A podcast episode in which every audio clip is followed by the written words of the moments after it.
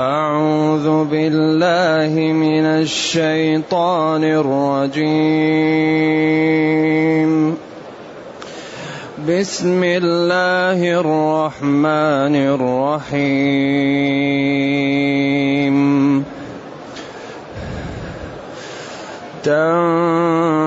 تنزيل الكتاب من الله العزيز الحكيم. انا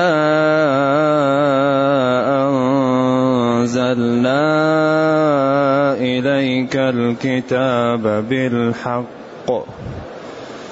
فاعبد الله مخلصا له الدين. ألا لله الدين الخالص والذين اتخذوا من دونه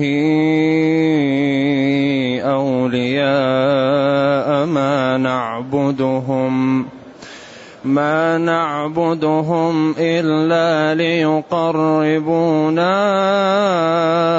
إلى الله زلفى. ما نعبدهم إلا ليقربونا إلى الله زلفى. إن الله يحكم بينهم. ان الله يحكم بينهم فيما هم فيه يختلفون ان الله لا يهدي من هو كاذب كفار لو أراد الله أن يتخذ ولدا لاصطفى مما يخلق ما يشاء. لو أراد الله أن يتخذ ولدا لاصطفى لاصطفى مما يخلق ما يشاء سبحانه سبحانه هو الله سبحانه هو الله الواحد القهار خلق السماوات والأرض بالحق يكور الليل على النهار ويكور النهار على الليل ويكور النهار على الليل وسخر الشمس والقمر كل يجري كل يجري لأجل مسمى. كل يجري لأجل مسمى ألا هو العزيز ألا هو العزيز الغفار.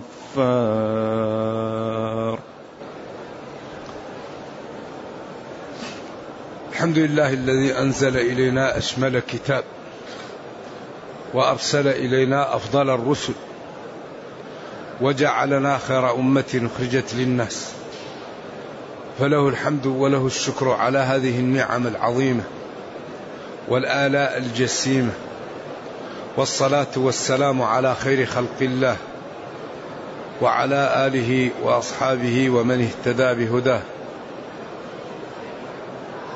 أما بعد فإن هذه السورة التي هي سورة التنزيل أو سورة الغرف أيوه. سورة الزمر سورة الغرف من السور المكية باتفاق. وقد ذكر المفسرون أن آية قل يا عبادي الذين أسرفوا على أنفسهم أنها مدنية. هي وآية أخرى. والفائدة من معرفة المكي والمدني معرفة سير التشريع وترتيب النزول ثم معرفة الناسخ من المنسوخ لأن المهمة الكبيرة التي يعتني بها العلماء في معرفة المكي والمدني هي أن يعلم الناسخ من المنسوخ. والذي ينزل في مكة يكون منسوخا بالذي ينزل في المدينة. لأن المدينة ما نزل فيها متأخر والنسخ رفع الحكم المتقدم. رفع الحكم المتقدم بخطاب متراخ عنه. بخطاب متراخ عنه حتى نخرج التخصيص والتقييد والبيان. لأن البيان والتخصيص والتقييد هو فيه نوع من الرفع لكن ما هو متقدم أحيانا يكون مع بعض يقيده أو يخصصه. والنسخ الحقيقة باب من أبواب التفسير وأبواب من أبواب الحديث وباب من أبواب الشريعة. لا ينبغي أن يتكلم في الأحكام إلا بعد معرفة هذا الباب. لأن الذي لا يعرف الناسخ من المنسوخ يعني عرضة لأن يخطئ وأن يثبت ما هو مرفوع ويرفع ما هو ثابت. لذلك لا ينبغي لطلاب العلم أن يتكلموا في الشريعة إلا بعد فهم هذا الباب باب الناسخ والمنسوخ. والناس في القرآن في الناسخ والمنسوخ بين إفراط وتفريط. بعض العلماء جعل الآيات المنسوخة تزيد على المئتين. وممن أكثر من ذلك ابن العربي وابن الكلبي صاحب التسهيل. وممن كان كلامه معتدلا ابن الجوزي في نواسخ القرآن ومكي بن أبي طالب في كتابه القيم الإيضاح. وأحسن من يتكلم في هذا الباب هو الإمام الطبري وأبو عبيدة القاسم بن سلام المتوفى سنة 224 في كتابه القيم الناسخ والمنسوخ. فبعض العلماء يجعل الآيات المنسوخة بالمئات ويقول آية السيف نسخت أكثر من مئتي آية. فإذا انسلخ الأشهر الحرم فاقتلوا المشركين. وكل موادعة وكل مهادنة وكل تخفيف مع الكفار يقول إنه منسوخ بهذه الآية. وبعض العلماء يقول لا منسوخة. وهذا أيضا فيه نوع من إيش؟ من التفريط. والحق أن في آيات من القرآن منسوخة لكن قد لا تصل إلى العشرة. ولا أعلم آية اتفق على نسخها أو لم نقف على خلاف فيها إلا آية واحدة. وأغلب الآيات المنسوخة الخلاف بين العلماء فيها. إلا آية تقديم الصدقة بين مناجاة النبي صلى الله عليه وسلم.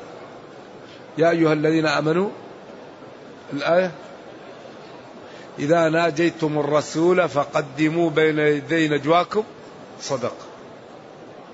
قال أأشفقتم أن تقدموا بين يدي نجواكم صدقات فإن لم تفعلوا تاب الله عليكم. لم أقف على خلاف فيها. أما أغلب الآيات التي يقال إنها منسوخة فيها خلاف بين العلماء. كذلك الأحاديث كثير من الأحاديث يكون منسوخ. كنت نهيتكم عن زيارة القبور فزوروها. كان آخر الأمرين ترك الوضوء مما مست النار. وبعدين ال ال إنما الماء من الماء. نسخ ب إذا التقى الختانان وأجهدها وجب الغسل نزل أم لم ينزل. في وفي كتب في هذا الجانب فلا ينبغي لطلاب العلم الكلام في الشريعة إلا بعد فهم هذه المادة وهذا الباب وهو الناسخ والمنسوخ. لأن الذي يتكلم في الأحكام ولا يعرف هذا الباب يرى الآيات المنسوخة أنها محكمة والآيات المحكمة أنها منسوخة فلا بد من معرفة هذا الباب وإحكامه حتى يكون المتكلم على بصيرة من دينه ومما يقبل ومما يرفض نظرا لهذه الشريعة. ولذلك من المحتم على طلاب العلم أن يتعلموا كيف يكون العلم لأن العلم له طرق يتعلم بها. ولذلك فيه كتب في تعلم العلم. كيف الإنسان يبدأ في العلم؟ من أين يبدأ وكيف يبدأ وكيف يتدرج؟ ومن أنفس الكتب في هذا ما كتبه حافظ المشرق وحافظ المغرب. لهما كتابان والغريب أنهما توفيا في سنة. الخطيب البغدادي في المشرق في كتابه الفقيه والمتفقه وحافظ المغرب وهو أبو يوسف عمر بن عبد البر النمري في كتابه جامع بيان العلم وفضله. فالكتابان يعلمان طالب العلم كيف يتعلم وكيف يبدأ وكيف يتعامل مع العلوم ومع الشيوخ. هذا مفيد جدا لطلاب العلم. يقول تعالى طبعا البسملة تكررت. وقلنا إن العلماء اختلفوا فيها وأن خلاف الفقهاء في البسملة راجع إلى القراء. وأنهم إلى ثلاث بعضهم قال آية مستقلة وبعضهم قال آية من الفاتحة فقط وبعضهم قال هي آية من كل جزء من آية من كل سورة. وبعضهم قال ليست من القرآن. إذا خلاف العلماء في البسملة خلاف لا يحل إلا بالترجيح. فمن العلماء من قال هي ليست من القرآن. ولو كانت من القرآن لما أسر الأئمة الثلاثة في قراءة الفاتحة في عدم الجهر بها. كيف تكون من القرآن وآية يعني يسر بها؟ بعضهم قال لو لم تكن من القرآن لما جهر بها الإمام الشافعي لأنه يقرأ بقراءة بن كثير المكي وبن كثير يبسمل وفي ابتداء القراءة بسمل لكن بين السورتين اختلفوا. منهم من بسمل ومنهم من سكت ومنهم من خير. على خلاف بينهم. ويقول ابن العربي يكفي في كونها. غير آية الخلاف فيها. وهذه وجهة نظره هي يكفي في كونها آية جهر الإمام الشافعي بها وكونها مكتوبة في المصاحف وجردت المصاحف من غير القرآن. فلو لم تكن من القرآن لما كتبت. إذا هذا القول له وجه وهذا القول له وجه وطالب العلم يختار ما يحلو له ويرفق بالمخالف. كل واحد يختار ما يراه ويرفق. وليس للقرآن تعزى البسملة وكونها منه وكون البسملة من القرآن منه وكونها أي البسملة منه أي من القرآن. الخلاف أي المخالف نقله عن العلماء. وبعض العلماء وبعضهم من القراءات نظر وذاك للوفاق حكم معتبر. وبعض العلماء نظر إلى القراءات في الخلاف وذلك للوفاق بين الأقوال حكم معتبر.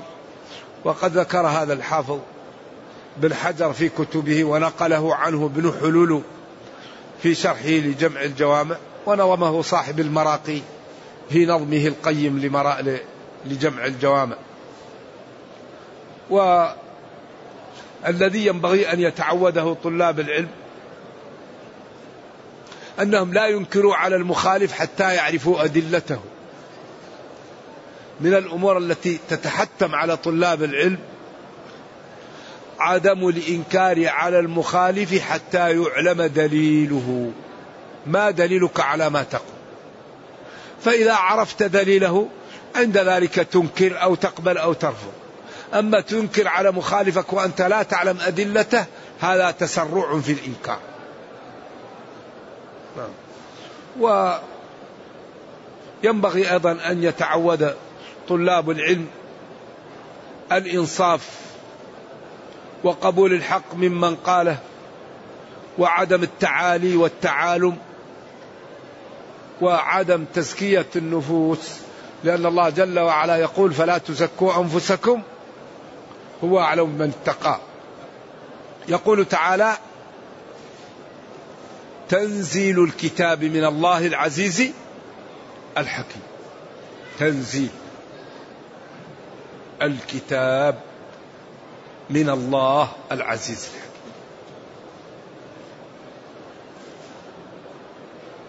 قال بعض العلماء وأشار له الوالد رحمة الله عليه في أول هذه السورة في الأضواء أنه كل ما جاء في القرآن تنزيل جاء التنويه بالمنزل. إذا جاء تنزيل يأتي التنويه بالمنزل وهذا استقراء في القرآن كثير يعني وهذا يدل على عظم المنزل وعلى عظم المنزل. فالمنزل خالق السماوات والأرض. الذي أمره إذا أراد شيئا أن يقول له كن فيكون. الذي وصف شمول علمه فقال وما تسقط من ورقة إلا يعلمها. ووصف شمول علمه بأننا لو فرضنا أن البحار مداد ومدت بسبعة بحار أخرى لأن السبعة في لغة العرب نهاية العدد فهي في الغالب تأتي أو أحيانا تدل على التكثير لأن أكبر عدد سبعة. فإذا جاء في اللغة سبعة هذا يدل على التكثير لأن هي نهاية العدد. لذلك قال سبع سنابل. في كل وبعدين قال سبع سماوات. فالسبعة هي نهاية العدد. ولذلك قال ولو أن ما في الأرض من شجرة أقلام. كل الغابات كسرت وعملت أقلام. والبحر يمده من بعده سبعة أبحر. وجعلنا البحار مدادا. وجعلنا الأشجار أقلاما. وجلس الخلق يكتبون مضروبون في الحصى بلايين السنين. لجفت البحار وتكسرت الأقلام. وما نفدت كلمات الله. لجفت البحار وتكسرت الأقلام. وما نفدت كلمات الله. لكن طوى النتيجة. هذه النتيجة مطوية لكن مفهومة من السياق. وهذا الكتاب المنزل من عندي العظيم الله قال إنه تبيان لكل شيء وقال وما فرطنا في الكتاب من شيء وقال وأنزلنا إليكم نورا مبينا وقال شفاء لما في الصدور وقال في حق من يريد أن يسمعه أنه يؤمن ويحافظ عليه حتى يسمع. ويحافظ عليه في الطريق حتى يبلغ أهله. وإن أحد من المشركين استجارك فأجره. أي طلب الجوار. أعطيه إياه حتى يسمع كلام الله. حتى يسمع كلام الله. لأنه حري بمن يسمعه أن يغير قلبه. قال ثم أبلغه لا تتعرض له في الطريق وتعمل له كمين ومرصد لا. ثم أبلغه مأمنة حتى يصل إلى أهله. إذا تنزيل الكتاب. تنزيل الكتاب من الله. تنزيل. نزل ينزل تنزيلا. الكتاب المكتوب من الله. هذا يمكن يكون القرآن أو يمكن يكون كل المنزل من الله. العزيز الغالب. الحكيم الذي يضع الأمور في مواضعها. تنزيل هذا الكتاب من المعبود بحق. الذي هو غالب. لا يغالب الله. الحكيم كل الأمور يضعها في مواضعها. تشريع في غاية الحكمة. في غاية الإتقان. لأنه قادر وكريم وغني ووضع الكون على العدالة. هذا الكون لا يصلح فيه الظلم. هذا الكون لا يصلح فيه الجور. هذا الكون لا يصلح فيه الميل. الكون قائم على العدالة. فإذا جاء الظلم الكون يتغير.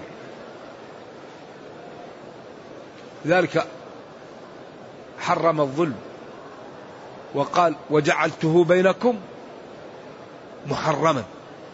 فلا تظالموا.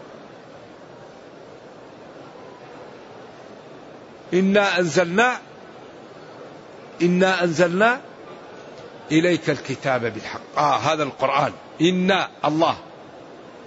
أنزلنا لا غيرنا. إليك يا محمد صلى الله عليه وسلم. الكتاب القرآن بالحق. أنزلناه متلبسا ومصابحا. أنزلناه مصاحبا للحق ومتلبسا بالحق. وكل ما يدعو له حق. وكل ما ينهى عنه النهي عنه حق. فلذلك هذا الكتاب أمره عجيب. غاية غاية. غاية في الإعجاز غاية في الجمال غاية في الحسن غاية في الشمول. أنا الله أنزلنا لا غيرنا. إليك يا محمد. الكتاب القرآن بالحق. مصاحبا أو ملابسا أو نازلا بالحق نزل بسبب الحق أو مصاحبا للحق. نزل القرآن ملابسا للحق أو أنزلناه بسبب أن, أن نبين فيه الحق أو نظهر فيه الحق.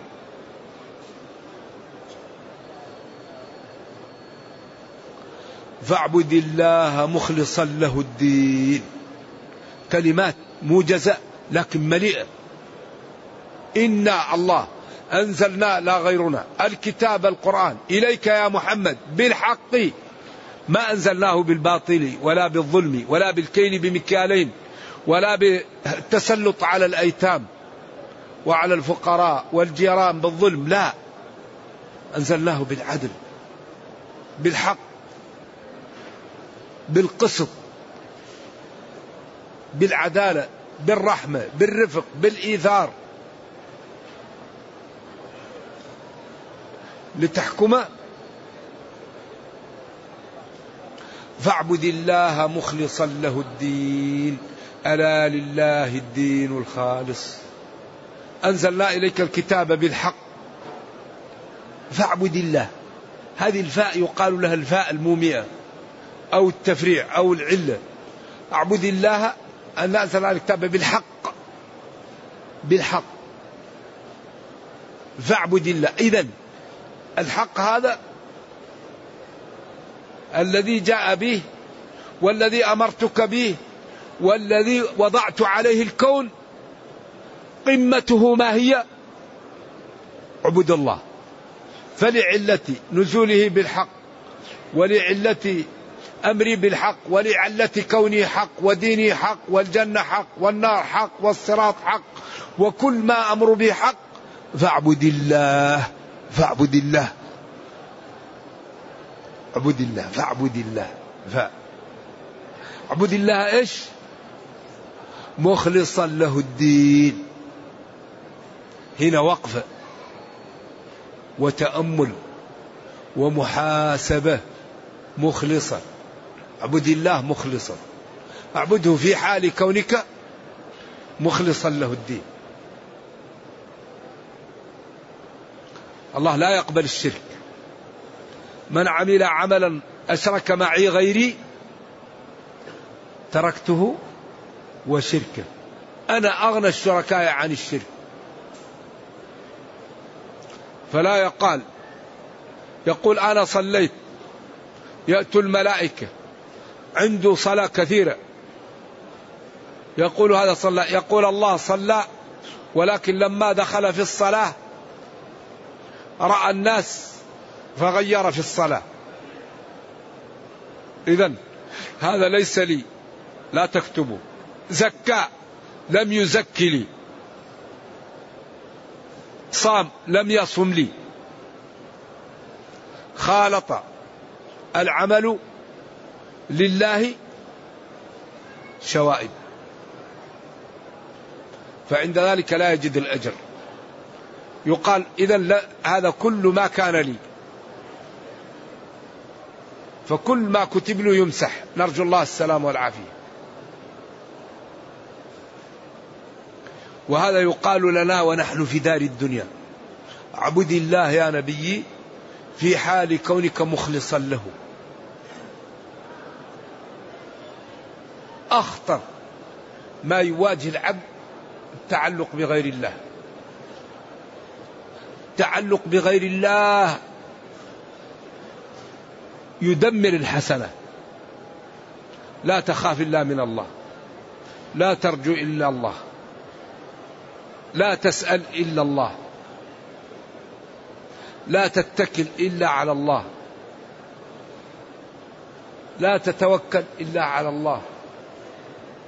لا تتعب نفسك وتعمل إلا لله. لماذا لأن الله هو القادر هو الكريم هو الغني هو العالم. الخلق عاجزون. الذي يعمل للخلق الخلق عاجزون عن إعطائك أجرك. الخلق لا يستطيع أن يعطي للعبد أجره لأن الذي يملك الأجر هو الله. وإذا أراد مخلوق أن يعطي للعامل أجره كاملا من غير أن ينقصه لا يستطيع. لأن الأجر ينبغي أن يكون على العمل الحسي وعلى المعنى العمل المعنوي الذي هو الإخلاص والتفاني في أن يعمل العمل متقن. هذا الجانب لا يطلع عليه إلا الله. وهذا الجانب ينبغي أن يكون له نصيب من الأجر من الأجرة. وهذا لا يعلمه إلا الله. العامل إذا عمل لك هل تعلم ما في قلبه؟ هل يحب أن العمل يكون متقن وجيد؟ أو يعمل وهو يريد أن يكون العمل غير جيد؟ إذا هذا الجانب النفسي ينبغي أن يكون له نصيب من الأجرة لا يعلمه إلا الله. إذا أنت لو اشتغلت لغير الله فهو عاجز أن يعطيك حقك فاشتغل لما هو قادر على أن يعطيك حقك وهو الله. والله لا يضيع أجر من أحسن عملا. أليس من السفة أن يشتغل العبد لغير ربه؟ الخوف لا يكون إلا من الله. الرجاء لا يكون إلا من الله. الدعاء لا يكون إلا لله. الدعاء. كم من من إنسان يدعو الآخرين؟ يا فلان أتيناكم قاصدون ومثلكم يقصدون. يقول للأموات أتيناكم قاصدون. أموات ما ما يملكون شيء. مات إذا مات ابن آدم انقطع عمله إلا من ثلاث. فكثير من المسلمين يذهب إلى القبور ويصرف لهم حقوق الله مع الأسف. وهذا أمر لا يجوز وفي غاية من الخطورة. إذا سألت اسأل الله. وقال ربكم ادعوني أستجب لكم. أمن يجيب المضطر إذا دعاه. أمن يجيب المضطر. المضطر الإنسان الذي أصابته الحاجة والذين حوله لا يستطيعون أن يدفعوا عنه. المضطر الذي تأتيه أزمة الخلق عاجز عن أن يرفعها عنه. إذا فاعبد الله مخلصا له الدين. ألا لله الدين الخالص. ألا استفتاح. لله الدين. ألا لله العبادة الخالص. أو ألا لله التشريع الذي لا جور فيه. الدين الخالص احتمل أن يكون مقصود به العبادة. دان يدين إذا اعتقد الشيء. ألا لله العبادة الخالصة لا يشارك فيها شيء. أو ألا لله التشريع الذي هو خالص لا ظلم ولا جور فيه. والحقيقة هذه الآيات مليئة بالأحكام مليئة بالحكم مليئة بالمعاني. والذين اتخذوا من دونه أولياء.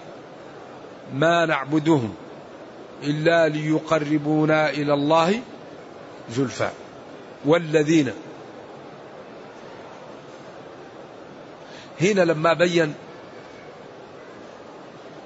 أن لله الدين الخالص وأنه جاء من عند من اتصف بصفات الكمال والجلال وأمر بالعبادة له ونهى عن عدم الإخلاص بين الشريحة الأخرى ليتضح الأمر. وبضدها تتميز الأشياء. والذين والقوم الذين والجماعة الذين والشرائح الذين والذين اتخذوا اتخذوا استعملوا وجعلوا من دونه أولياء جمع ولي يوالوه ويصافوه. ويماحصوه و و ويعدوه ليوم الكريهة. كما قال هؤلاء نريدهم أن يقربونا إلى الله. وقال هناك نريد اليوم كريهة. عبد الله بن أبي بن سلول قال هؤلاء نريدهم ليوم الكريهة. ما ينفعك يوم الكريهة إلا الله. هؤلاء لا ينفع ولا يضر. المخلوقون لا ينفعون. أبدا. ما نعبدهم إلا ليقربونا إلى الله. زلفى.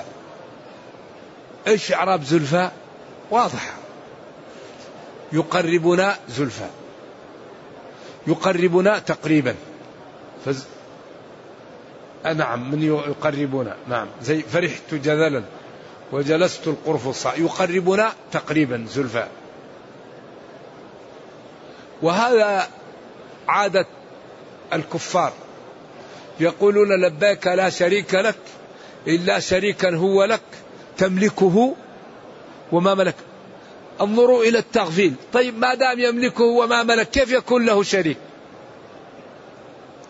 ولذلك هم إذا دهمتهم الكروب تغيب عنهم الآلهة. وإذا غشيهم موج كالظلل دعوا الله مخلصين له الدين. فلما نجاهم إلى البر إذا هم يشركون. إلا ليقربونا إلى الله زلفى. قرابة.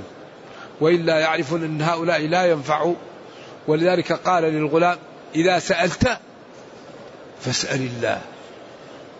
فاسأل الله. ونحن في حاجة ماسة إلى برامج مع شرائح من المسلمين تعودت للذهاب للقبور ولاستعمال أساليب معها لا تصح. الذهاب للقبور ودعائها هذا لا يصح. ولم يفعله النبي صلى الله عليه وسلم. ولم تفعله الصحابة. والدين بالاتباع. كان صلى الله عليه وسلم إذا أتى للقبور يقول السلام عليكم أهل الديار من المؤمنين. وإنا إن شاء الله بكم للاحقون. يغفر الله لنا ولكم. يغفر الله لنا ولكم. وقال كنت نهيتكم عن زيارة القبور فزورها فإنها تذكر الآخرة فإنها تذكر الموت فزورها لعلة أن الإنسان أشد ما يمر عليه في الدنيا الموت. فإذا رأى الناس الذين كان يعرفون وهم في الأرض عند ذلك تنبه فسهل عليه التقى وسهل عليه العمل لله. فإنها تذكر الآخرة. فإنها تذكر الموت. ما قال زوروا القبور وادعوها. زوروها واطلبوا منها الوسائل زوروها واسألوها الوسيلة. ما قال؟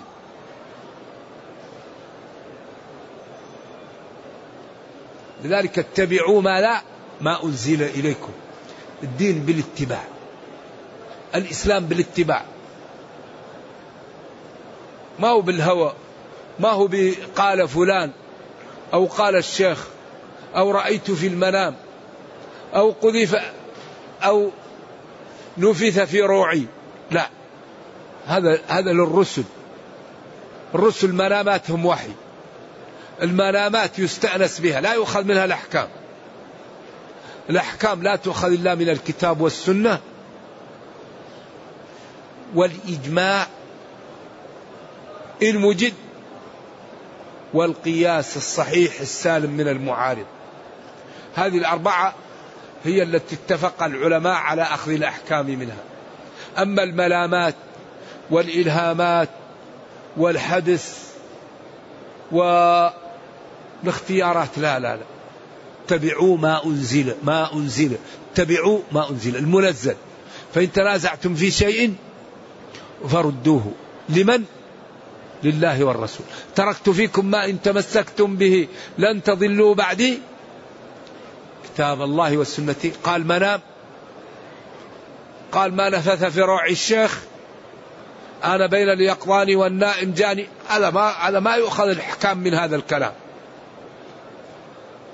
وأنا بين النائم واليقظان جاني وقال لي أعمل كذا.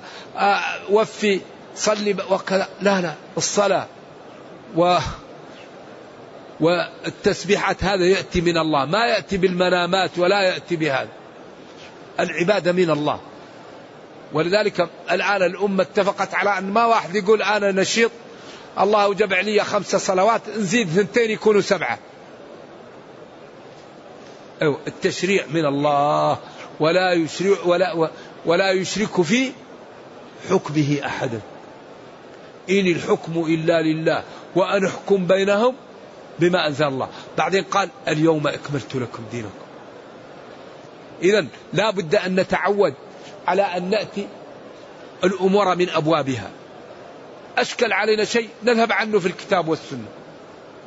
في الإجماعات. نذهب للقياس. إذا كان الإنسان غير متعلم يسأل العلماء. سألوا أهل الذكر. كنتم لا تعلمون. أما الذين يجعلون للدين ظاهر وباطن هذا يورطون أنفسهم. الباطن هو الذي بين العبد وبين الله. كل إنسان له عمل ظاهر يروه الناس. وله عمل باطن هو الذي الله يختم عليه لأجله.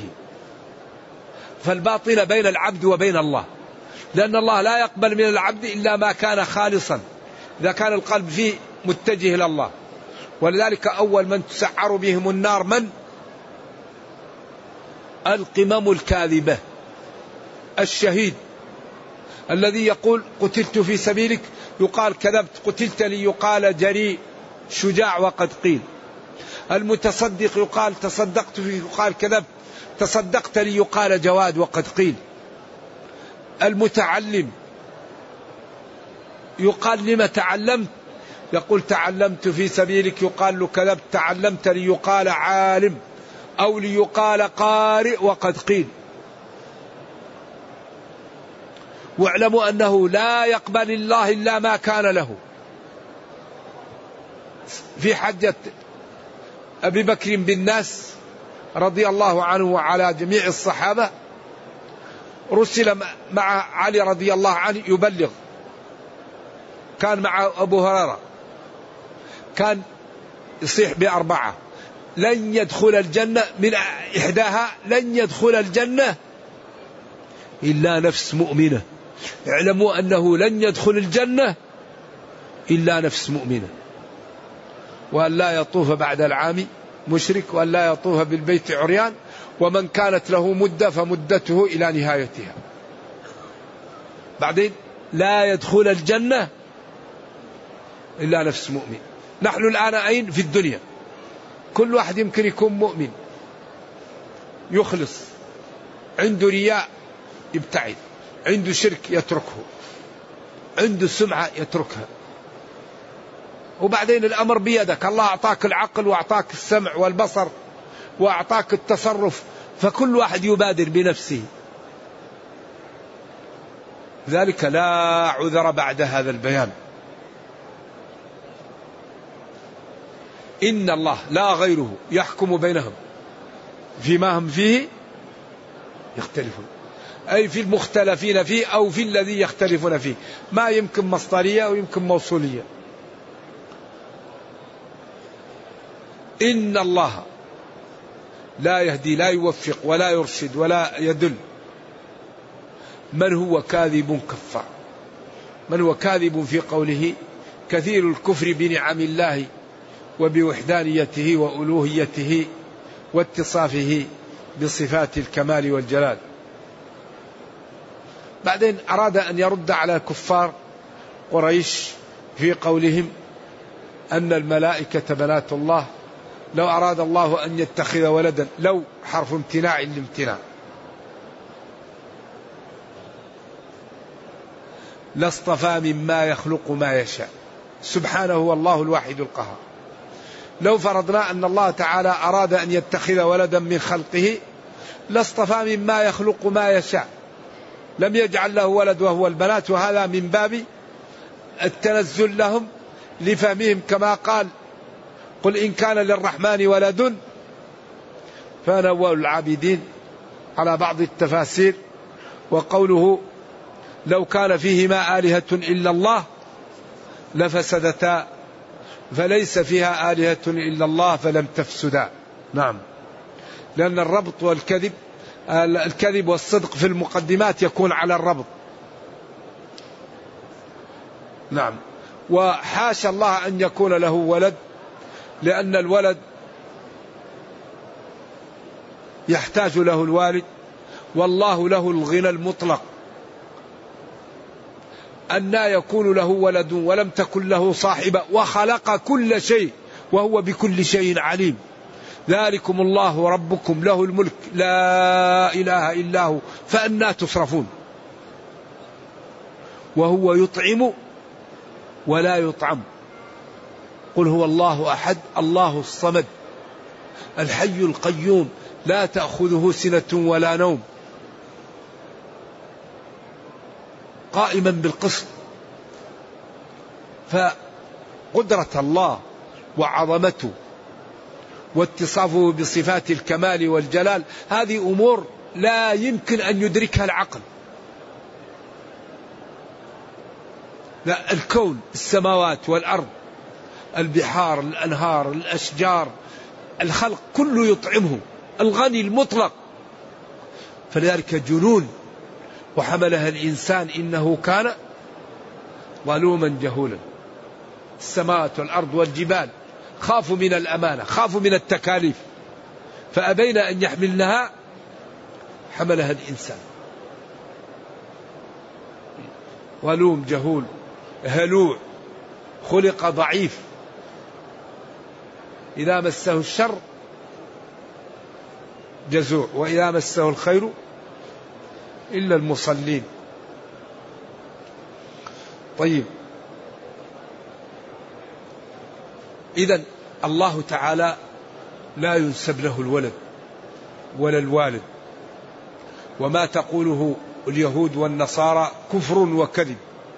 وقالت اليهود عزير بن الله وقالت النصارى المسيح ابن الله ذلك قولهم بأفواههم. يضاهئون أو يضاهون يشابهون. قول الذين كفروا من قبل قاتلهم الله أن لا يؤفكون. تكاد السماوات يتفطرن منه وتنشق الأرض وتخر الجبال هدا أن دعوا للرحمن ولدا. وما ينبغي للرحمن أن يتخذ ولدا إن كل من في السماوات والأرض إلا أتى الرحمن عبدا.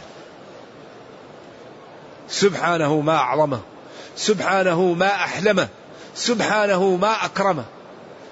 ينسبون له الولد وهو يطعمهم ويكلأهم بالليل والنهار ويحفظهم ويمدهم بنعمه الرحمن يرحم جميع الخلق. خلق السماوات والأرض بالحق. تلبس بالحق بالحق. أرض تمشي. لا, لا الشمس تمشي. القمر يمشي. الليل يأتي. النهار يأتي. هذا يدور على هذا ينقص هذا من هذا. حرم الظلم. وضع العدل وضع الميزان. جعل الحياة تسير على سعادة للكون. ولكن الله تعالى قدر أسبابا بعض الخلق يكفر لتظهر فيه سطوته وجبروته ونقمته ويجعل بعض الخلق طيب لتظهر فيه رحمته. ورأفته. نعم. يكور الليل على النهار. التكوير هو اللف والتدوير زي العمامة. الليل يلتف على النهار والنهار يلتف على الليل. وسخر الشمس والقمر. كل يجري في مساره. إلى إلى إلى يوم القيامة. إلى أن يأذن الله بزوال الكون. تشقق الأرض وت وتسجر البحار وتذوب الجبال ويتغير الكون وتبدل الأرض غير الأرض والسماوات. عند ذلك يبدأ الكون في تغير. أما كلها له مسار. ولذلك خلق الكون بإتقان لا يعلمه إلا الله. الذي يعني أحسن كل شيء خلقه. هذا خلق الله. الآن أنظر إلى الجميع. كل واحد في وجهه يختلف عن الآخر. والأعين والأنف والوجه والآذان هي في الجملة تشبه بعض ولا في شيء يشبه بعض. الآن أي مصنع يعمل لا يمكن أن يفرق بينها إلا بالأرقام. يجعل أرقام وإلا لا يفرق بين الأشياء. لكن أفمن يخلق كمن لا يخلق؟ كل إنسان مصبوب على قالب يختلف عن الثاني. الخلاق. ما في واحد يشبه الآخر. كل واحد يتغير عن الثاني. ولذلك قال اعبدوا ربكم إيش؟ الذي خلقكم. أفمن يخلق كمن لا يخلق؟ يخلقكم في بطون أمهاتكم خلقا من بعد خلق في ظلمات ثلاث. كل يجري لأجل مسمى يجري إلى قيام الساعة. ذلكم الله ربكم. ألا استفتاح وتنبيه. هو الله لا غيره العزيز الغالب الغفار كثير المغفرة لذنوب عباده. وهنا فتح باب بعد أن بين خطورة الكفر والظلم على أنه هو كثير المغفرة فالعبد يتوب فالعبد يقلع فالعبد يتدارك من نفسه قبل أن يفوت عليه الأوان. العزيز الغالب الغفار كثير المغفرة. خلقكم من نفس واحدة وهذا دلالة على القدرة الهائلة. لأن العبادة تدور على القدرة والقدرة أعظمها الخلق. فالذي لا يقدر لا يعبد والذي لا يخلق ليس بقادر والذي يخلق هو القادر والقادر هو ليعبد. ولذلك هذا الكون الآن العالم من الرقي والازدهار لا يستطيع أن يخلقوا مخلوق واحد. لو يجتمعوا على نملة على ذرة على ذبابة ما يستطيعون أن يخلقوها. إن الذين تدعون من دون الله لن يخلقوا ذبابا ولو اجتمعوا له أفمن يخلق؟ كمن لا يخلق. اعبدوا ربكم الذي خلقكم لذلك لا تأتي العبادة في هذا الكتاب إلا وجاء التنويه بالخالق بعدها بالخلق. لأن أكبر قدرة هي الخلق. اعبدوا ربكم. من هو ربنا الذي نعبد؟ الذي خلقكم وقال قد أفلح المؤمنون وبين صفات المفلح المفلحين ثم قال بعد نهاية المقطع ولقد خلقنا الإنسان من سلالة من طين. خلقنا لا غيرنا.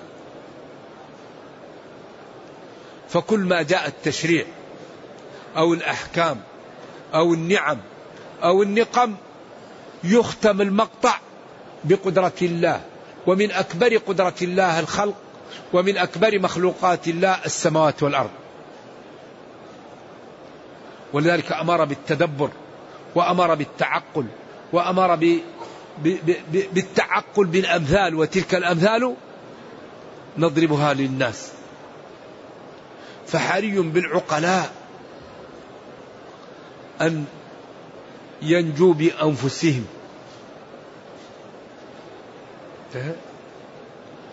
والحقيقة أن هذا الكتاب لا بد لنا من صحبة معه. نصحب الكتاب الأوامر نجمعها. ما الذي امتثلناه؟ ما الذي بقي لم نمتثله؟ النواهي نجمعها ونجتنبها. ما الذي اجتنبناه؟ ما الذي لم نجتنب؟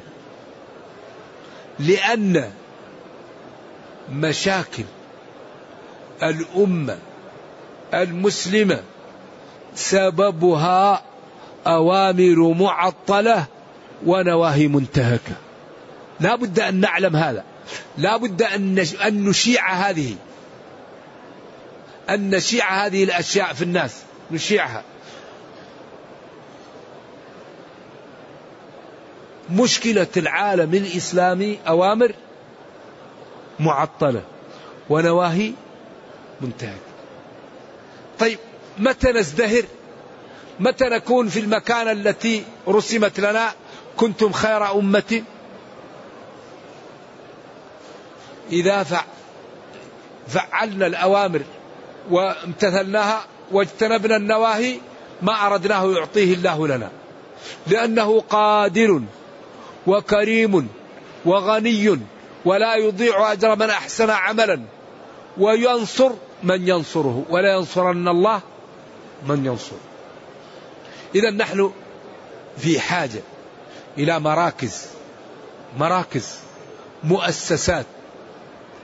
كيف نطبق الأوامر؟ كيف نجتنب النواهي؟ كيف نستفيد من هذا الكتاب؟ في كل منحى من مناحي الحياة. لأن الله قال تبيان لكل شيء. كل شيء يبين القرآن. والله يقول ومن أصدق من الله قيلا. إذا أي قضية نحتاجها نبحثها في القرآن ونحلها. إذا نحن نحتاج إلى أن يكون لنا ثقافة ربط حياتنا ربط مصالحنا بالكتاب.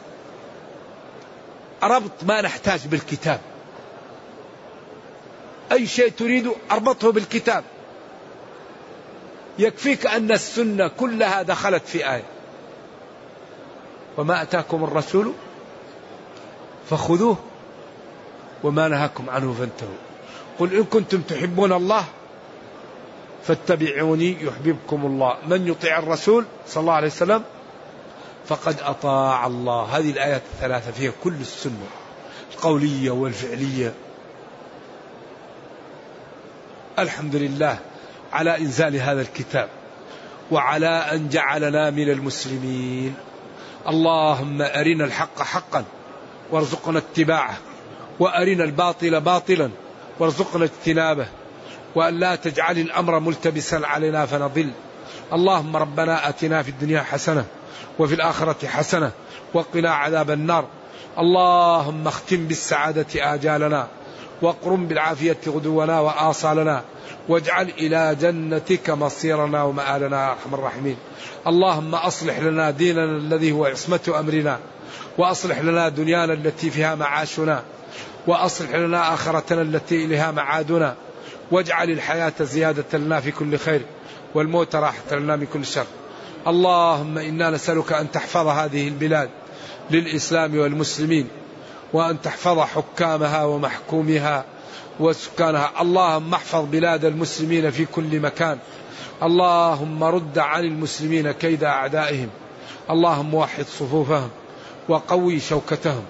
اللهم ارحم ضعفنا وتجاوز عن سيئاتنا. سبحان ربك رب العزة عما يصفون وسلام على المرسلين والحمد لله رب العالمين. وصلى الله وسلم وبارك على نبينا محمد وعلى آله وصحبه. والسلام عليكم ورحمة الله وبركاته. يقول أيهما أولى في حالة عدم المقدرة على الجمع بينهما؟ الصلاة في الصف الأول أم حضور مجلس العلم؟ إذا كان مجلس العلم تتعلم فيه فروض عين تحتاجها فلا خلاف أن حضوره أولى. لأن فرض العين هذا لا يسامح فيه. أما الصف الأول فهذا أجر فضيلة أجر زائد. أما من حضر الجماعة فيكفي. وإذا استطاع لا شك أن طلب العلم فضله أكثر لأن المنفعة فيه متعدية. ولذلك يقول الخطيب البغدادي في الفقيه والمتفقه نافلة العلم أفضل من نافلة العبادة. شخص يبيت قائم الليل أفضل منه شخص يبيت يدرس نوافل العلم لتحتاجها الأمة.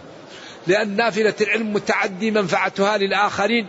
أما العبادة فلك أنت قاصرة عليك. والمنفعة المتعدية أفضل من منفعة القاصرة.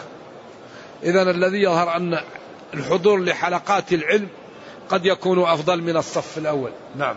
يقول ما الفرق؟ هو كاتب ما هو الفرق؟ ما إذا سئل بها يسأل بها عن الماهية ما هو كذا لا هذا غير الأفضل أن تقول ما كذا. ما تقول ما هو زيد تقول ما زيد. قال الحاقة ما الحاقة إذا تقول ما الفرق؟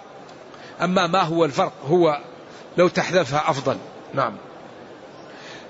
ما الفرق بين ورود كلمتي لو ولولا لو حرف امتناع لامتناع ولولا حرف امتناع لوجود.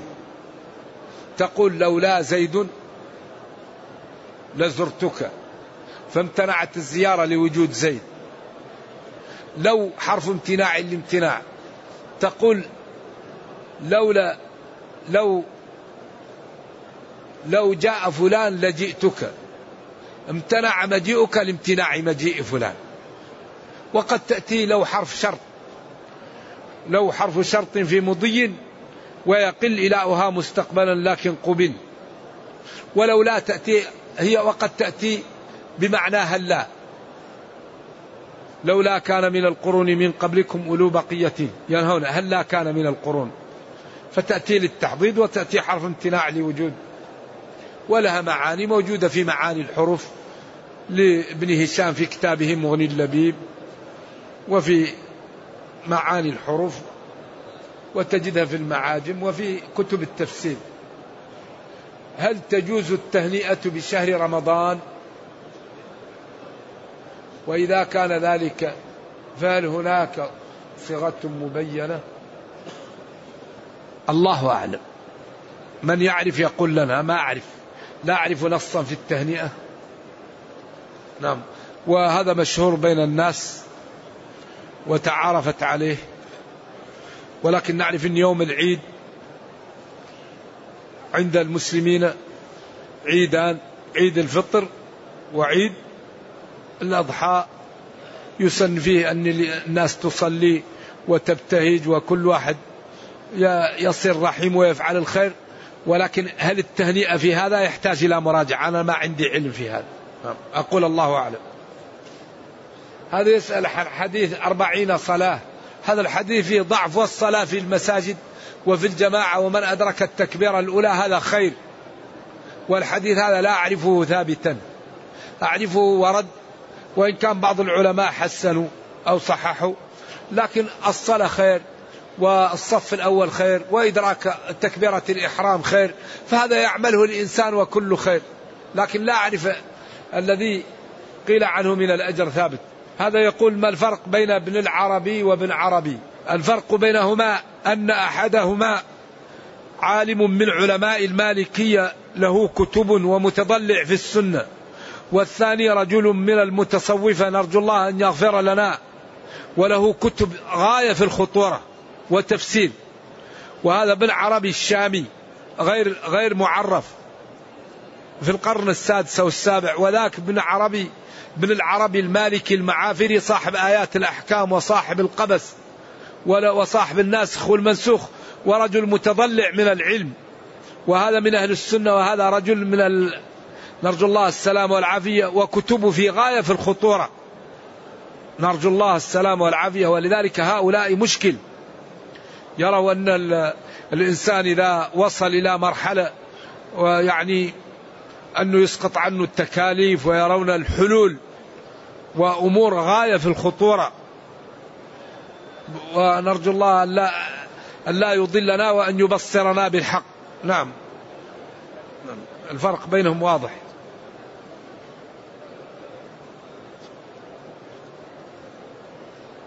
هذا يقول شرح. ولو أنهم إذ ظلموا أنفسهم جاءوك فاستغفروا الله واستغفر لهم الرسول لوجدوا الله توابا هذه نازلة في ناس بأعينهم. ولو أنهم هؤلاء ظلموا أنفسهم بما ارتكبوا من المعاصي جاءوك تائبين فاستغفروا الله لذنوبهم واستغفر لهم الرسول عند ربه في حياته. لوجدوا الله توابا رحيما. والرسول صلى الله عليه وسلم بلغ الرسالة وأدى الأمانة ونصح للأمة. انتهى. أما قضية أنه العتبي وجاء وابن كثير مر بها هذه أمور تحتاج إلى دليل. أيوة ولذلك الله يقول وقال ربكم ادعوني أستجب لكم. وقال يا غلام إذا سألت فاسأل الله. ولما قالت أم سلمة هنيئا لك الصحابية أم المؤمنين قال والله إني لرسول الله لا أدري ما يفعل بي ولا به. قالت والله لا أزكي أحدا. بعدين هذا النبي صلى الله عليه وسلم كان يقول لعائشة يا عائشة إن كنت ألممت بسوء فتوبي إلى الله. قالت لي بها أجب قال ما أعرف. قالت لأمها أجبت قال ما أعرف. هي بنت صغيرة ولم تقرأ من القرآن إلا قليل. بكت. وهي متهمة بأشنع ما يتهم به المسلم. وهو ساكت. لا ينزل عليه الوحي. يقول إن كنت ألممت بالسوء فتوبي إلى الله. قالت إذا كذبتكم صدقتموني. وإذا صدقتكم تكذبوني. ما لي وملكم إلا صاحب يعقوب ولم تعرف يوسف. فصبر جميل والله المستعان على ما تصفون. حتى نزل قول الله تعالى أولئك مبرؤون مما يقولون. قال يا عائشة أما الله فقد برأك. ويعقوب ابيضت عيناه من الحزن ليس بينه وبين ابنه يوسف إلا صحراء سيناء حتى جاء البشير. ونوح قال ربي إن ابني من أهلي. حتى قال له ربه يا نوح إنه ليس من أهلك. وإبراهيم عليه وعلى نبينا الصلاة والسلام ذبح عجله للملائكة وجاء به وأنضشه على الحجارة. وقال ألا تأكلون؟ فلما لم يأكلوا أوجس حتى قالوا له إنا أرسلنا إلى قوم لوط. ما يدري. ولوط ضاق ذرعا وقال كلامه المحزن المبكي يا قوم هؤلاء بناتي بنات الحي تزوجوهن أطهر لكم. فاتقوا الله ولا تخزوني في ضيفي. أليس منكم رجل رشيد؟ حتى قال كلامه المحزن المبكي لو أن لي بكم قوة. وأوي إلى ركن شديد. يرحم الله لوطا. كان يأوي إلى ركن شديد حتى قال له جبريل يا لوط إنا رسل ربك لن يصلوا إليك. فمسح أعينهم وجوههم ولم يبق فيها عين ولا أنف ولا فم. بقى الوجه كالكف. ووضع جناحه تحت قراهم وقلبها بهم. والمؤتفكة؟ والله يقول قل لا يعلم من في السماوات والأرض الغيب إلا الله. إذا أي واحد يقول يعلم الغيب نقول له كذاب. الغيب من خصائص الربوبية. طيب بعدين العتبي نام. وقال له أبشر أنه وبعدين هذا يجعله دين. هذا إن كان منام ما يؤخذ منه حكم. الدين بالاتباع. الدين بالنصوص. الدين ليس منامات. الدين ليس تعلق بغير الله. الدين واحد زائد واحد يساوي اثنين. صلاة مكتوبة صوم مكتوب صدقة مكتوب بر بوالدين البعد عن النجش.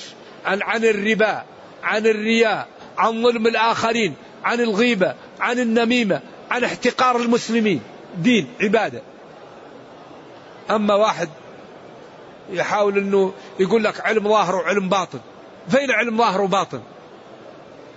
أول شيخ لعلم الباطنة كما يقولون هو الخضر. وأول تلميذ موسى. موسى سأل قومه من أعلم الناس؟ قال له أنا. قال له ربه في مجمع البحرين رجل نعلم منه. والحديث في البخاري. قال من لي به؟ من لي به؟ قال خذ مكتل فالمحل اللي تنساه راه. قال السلام عليك. قال وعليك السلام. قال من أين؟ قال موسى. قال موسى بني إسرائيل؟ قال نعم. قال أنا أريد أن نتعلم منك. قال أنا لا على علم إيش؟ علمنيه الله. وأنت على علم علمكه الله. طيب أول شيء قال له ما تستطيع قال له سأصبر. قال طيب مشوا على شاطئ البحر وجاءت سفينة وعرفت الخضر فشالته. من غير نول أو عرفت فأخذ الخضر أو عرف لوح من ألواح السفينة وشالوا أو عرفت موسى. لوح من ألواح السفينة شالوا. قال له أخرقتها لتغرق أهلها. ناس شالون من غير نول من غير أن يأخذوا منا أجرة. وأنت تريد أن تغرق عليهم سفينتهم؟ هذا يقول من؟ يقول موسى للخضر. قال له ألم قل إنك ما قلت لك ما تستطيع؟ ألم قل إنك؟ شوي غلام راح الخضر وقتله موسى صح قال له منكر. نفس بريئة تقتلها؟ لقد جئت شيئا؟ قال له ألم أقل لك؟ هنا شوية ألم أقل لك؟ شوي جاءوا الناس وما استضافوهم ووجد جدار صح. قال له ناس ما, ما, ما ضيفونا. قال هذا فراق بيني وبينك. بعدين قال أما السفينة فكانت لمساكن أما الغلام فكان أبوه. وأما الجدار وفي النهاية قال وما فعلته؟ طيب هذا الخضر كان نبي. الخضير كان نبيا. وإن أباها من أباها. لأنه قال وما فعلت عن أمري. وقتل الناس لا يجوز بالإلهام. قتل النفوس لا يجوز إلا بالوحي. هو قال وما فعلته عن أمري. عن أمر من؟ عن أمر الله. إذا الرجل كان نبيا وكان يوحى إليه. إذا اتبعوا ما أنزل إليكم. من لم يشافه علمه بأصوله فيقينه في المشكلات ظنون من أنكر الأشياء دون تيقن وتثبت فمعاند مفتون.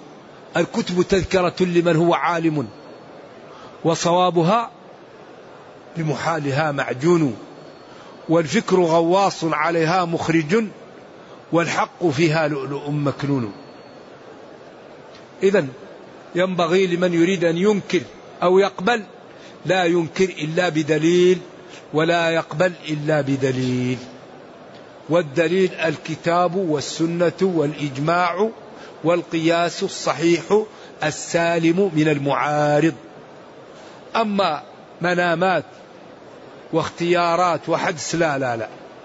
الدين من الله. قال اليوم أكملت لكم دينكم.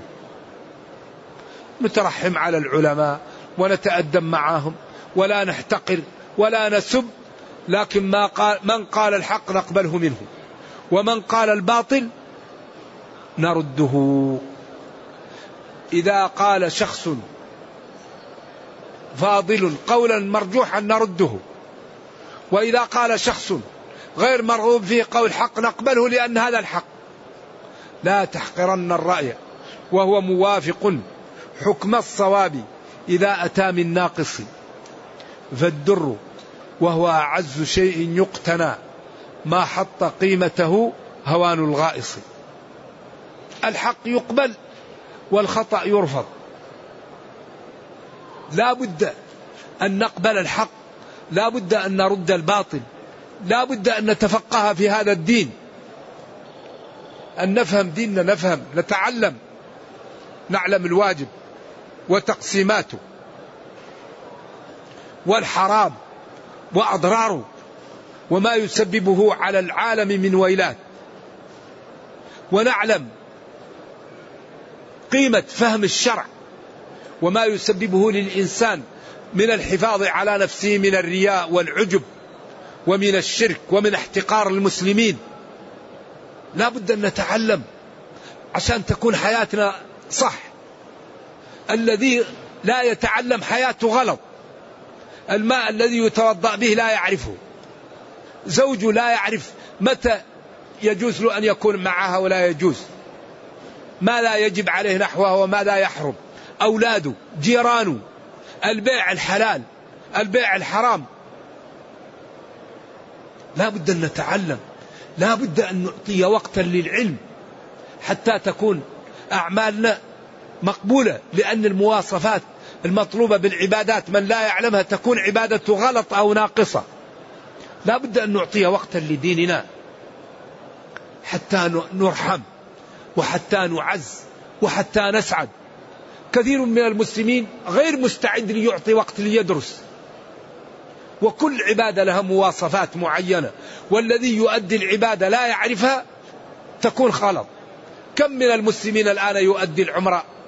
وعمرته فاسدة وناقصة. كم من المسلمين يحج ويكون حج باطل؟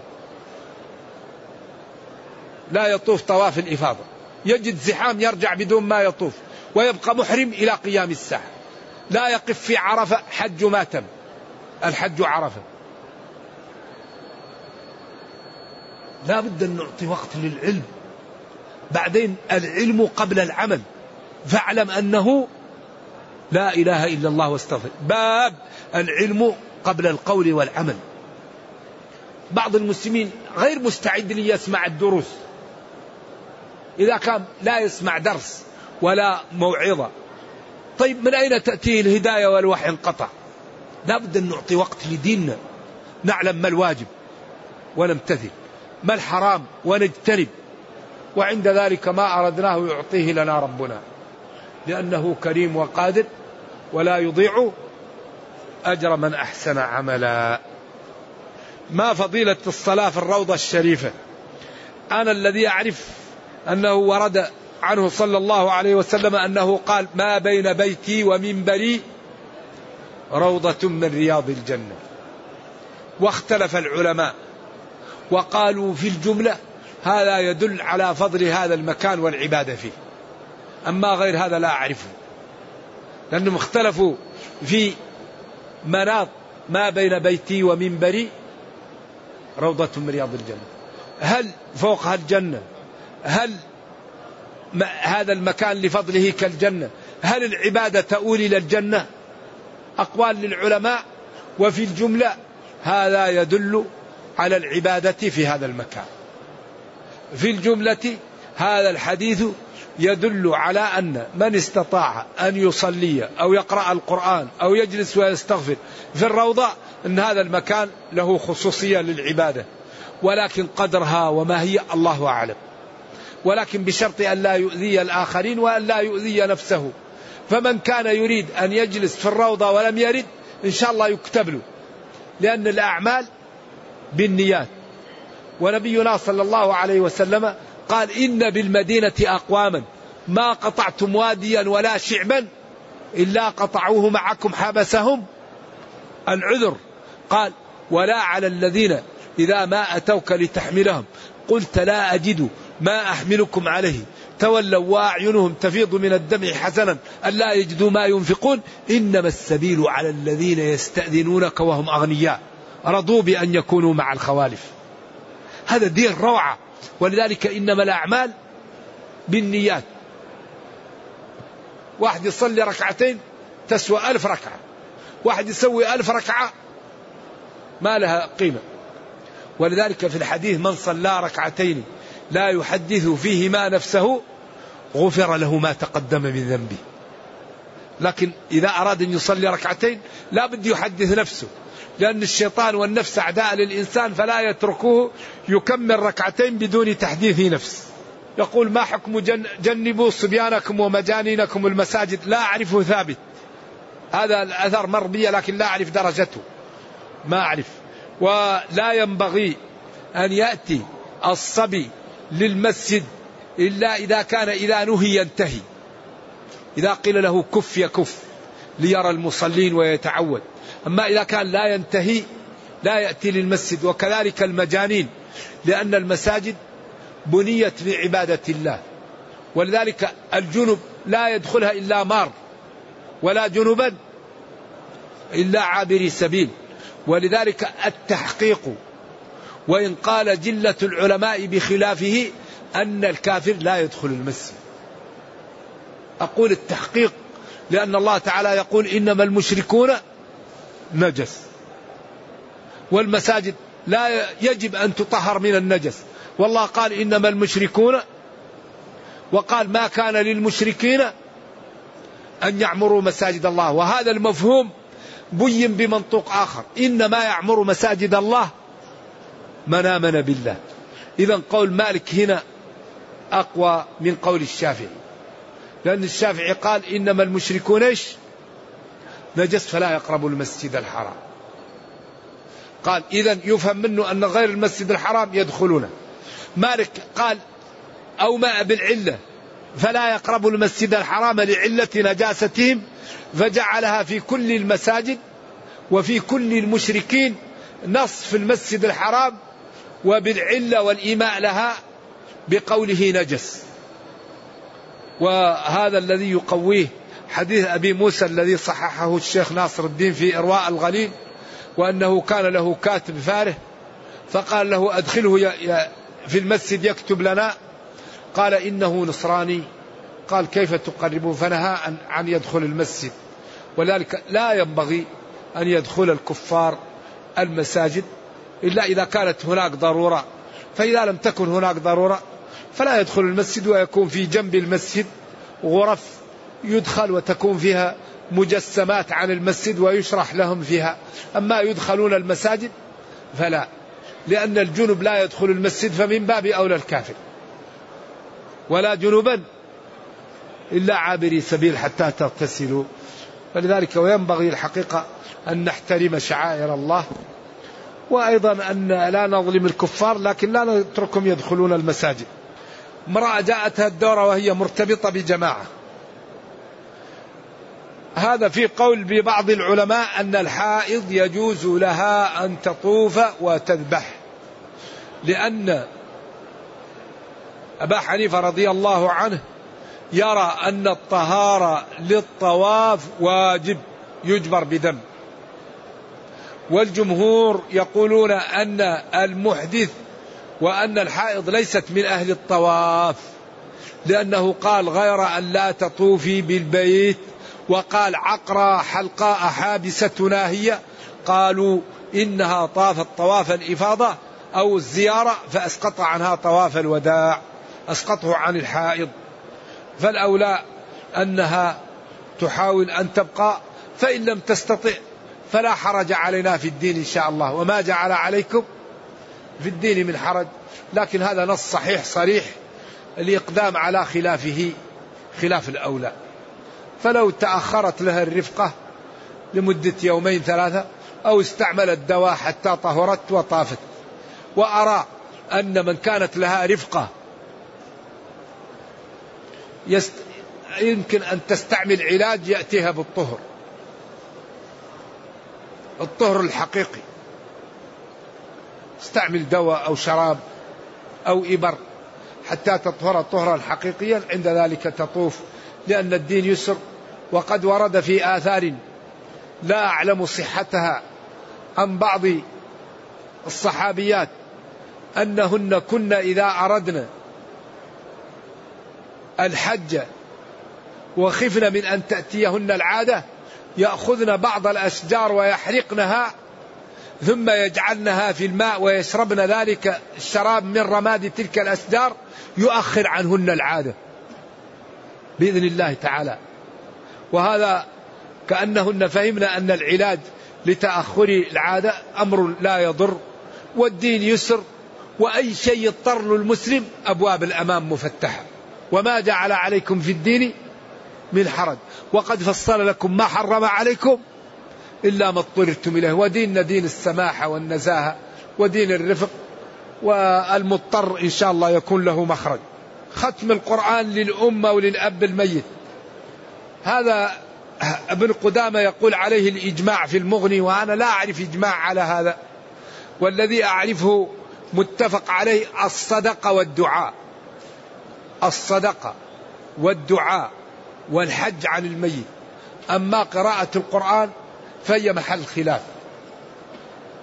قال العلماء إن قرأت القرآن وقلت اللهم ألحق ثواب ما قرأت لفلان الأمر سهل لكن التجمع على القراءة للميت هذا لا يعرف وهي مسألة خلافية لا, لا اتفاق عليها. اتفاق في الصدقة والدعاء.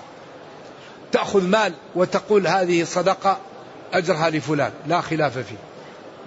ولذلك إذا مات ابن آدم انقطع عمله إلا من صدقة جارية وولد صالح يدعو له وعلم ينتفع به. فالولد إذا دعا أو تصدق إن شاء الله يبلغ. أما قراءة القرآن فهي محل خلاف. ولكن الأمر فيها سهل. نعم. نكتفي بهذا.